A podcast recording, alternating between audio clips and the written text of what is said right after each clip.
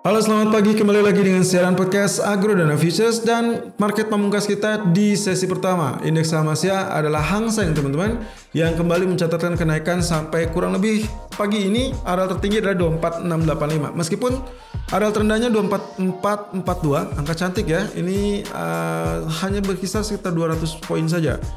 Lalu sempat tergelincir sampai 500 ya 24500 kurang lebih tadi setelah rilis data dari China. Kuartal pertama GDP ternyata cukup jelek, dirilis cukup jelek ya, berada kurang lebih di angka minus 6.8 persen. Ini adalah uh, basis tahunan ya, year on year. Ekspektasinya adalah minus 6.0 persen, sementara resultnya adalah minus 6.8. Ini berarti di bawah ekspektasi, tentunya market kecewa ya. Uh, sangat jelek. Uh, ini adalah areal terendah sejak 1992 ya Rata-rata mereka positif, tapi ini adalah pertama kalinya ya sejak tahun 92. Well, of course dengan data ini ini sebenarnya tidak terlalu kaget ya karena memang kuartal pertama Januari sampai bulan Maret ya. Berarti di di bulan April kita sudah memperkirakan karena dampak dari virus corona ini terutama untuk China sendiri itu diawali di akhir bulan Desember 2019.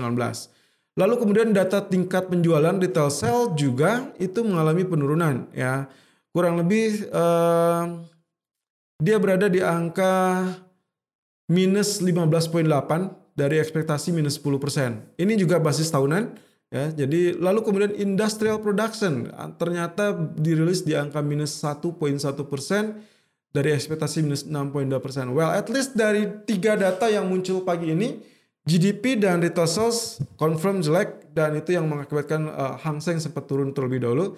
Data ekonomi data ekonomi yang cukup jelek lalu kemudian um, kalau kita lihat sepertinya yang membantu adalah industrial productionnya. Setidaknya tidak terlampau buruk. Berarti ini mengisyaratkan bahwa China masih berproduksi masih bisa menghasilkan industrinya masih bisa berjalan dan cukup cukup menopang ya untuk kategori tidak terlampau anjlok ataupun tidak terlampau jauh.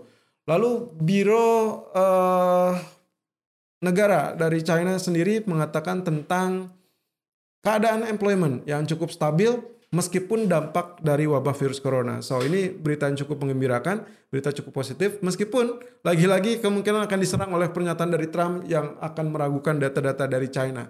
Ya, tapi it's okay. China memiliki confidence yang cukup tinggi dan saya rasa dengan pemulihan yang ada terlebih dahulu apalagi terutama dari uh, Wuhan ya yang sebelumnya menjadi epicentrum dari virus corona sekarang sudah sedikit pulih bahkan beralih kepada Amerika. Tapi yang menjadi catatan terakhir di pekan kemarin adalah munculnya kembali status uh, virus corona tersebut di perbatasan antara China Timur dengan Rusia sehingga akhirnya memaksa kembali China menutup perbatasan. Dan juga Kategori uh, penyakit atau infeksi virus corona yang ditemukan kali ini, walaupun jumlahnya cenderung meningkat, itu dikatakan bukan asli dari penduduk penduduk yang stay atau yang cepat di lockdown di China, tapi melainkan dari beberapa warga negaranya ataupun turis yang uh, berkunjung, ya. Jadi dari luar China masuk ke dalam China, dikarenakan sudah mulai dibuka area lockdown. Well, of course ini ini sedikit menjadi catatan tapi tidak apa-apa untuk Hang Seng kali ini saya masih melihat potensinya kalau Anda ingat dengan grafik yang sempat saya share ya. Uh, mirip dengan Kospi keadaannya areal Hang Seng ini sendiri areal kenaikannya sangat-sangat fantastis menurut saya. Jadi areal kenaikan untuk untuk Hang Seng sendiri kalau Anda lihat di situ sebetulnya dia memiliki kecenderungan untuk menjadi potensial uptrend ya. Jadi kalau misalkan Anda lihat di situ potensi 50% area 23869 kemarin sangat-sangat uh, strong support sehingga itu sangat berhasil dan pagi ini justru kita mendapati areal gap up ya. Lagi-lagi gap up uh, ya cukup besar ya 24507 sementara penutupan kemarin kurang lebih berada di 24 ya kurang lebih 24 oke okay, 23948 ya. Jadi sekitar 600 poin juga areal gapnya.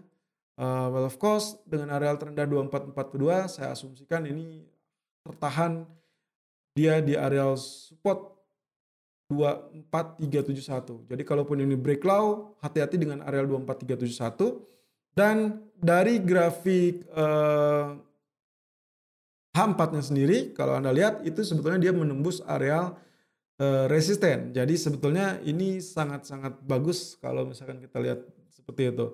Dan di resisten dari Fibonacci retracement sendiri 61.8% di grafik daily chart itu berada di 24550. Lagi-lagi saya ingatkan kepada Anda. Dua hari kemarin saya sempat bilang PR besar untuk Hang Seng adalah 24550. Kalau dia berhasil sustain di atas area tersebut, berarti kita akan mendapatkan area 24800 untuk target selanjutnya bahkan muncul di area 25000 ya.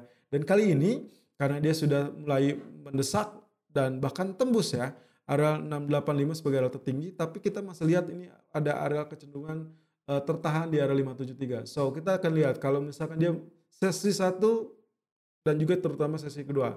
Sesi satu kita akan melihat kalau misalkan dia sustain di atas 550 berarti sesi keduanya masih ada peluang untuk uh, break high.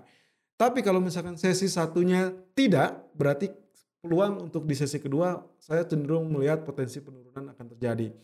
Dan kalau sesi satu dia sustain di atas 550, lalu kemudian sesi kedua ditambahkan lagi dia akhirnya ditutup di atas areal tersebut, maka kemungkinan potensi di hari Senin depan di pekan depan kita akan melihat potensi kelanjutan kenaikan bisa saja membuka peluang ke area 24800 ataupun mungkin pada 25000 ya. Oke demikian untuk ulasan Hang Seng dan indeks saham Asia terutama untuk sesi pertama kita akan ketemu lagi di sesi kedua dari siaran podcast Agro Futures. Selalu gunakan stop loss dan risk management sesuai dengan equity dan strategi trading Anda.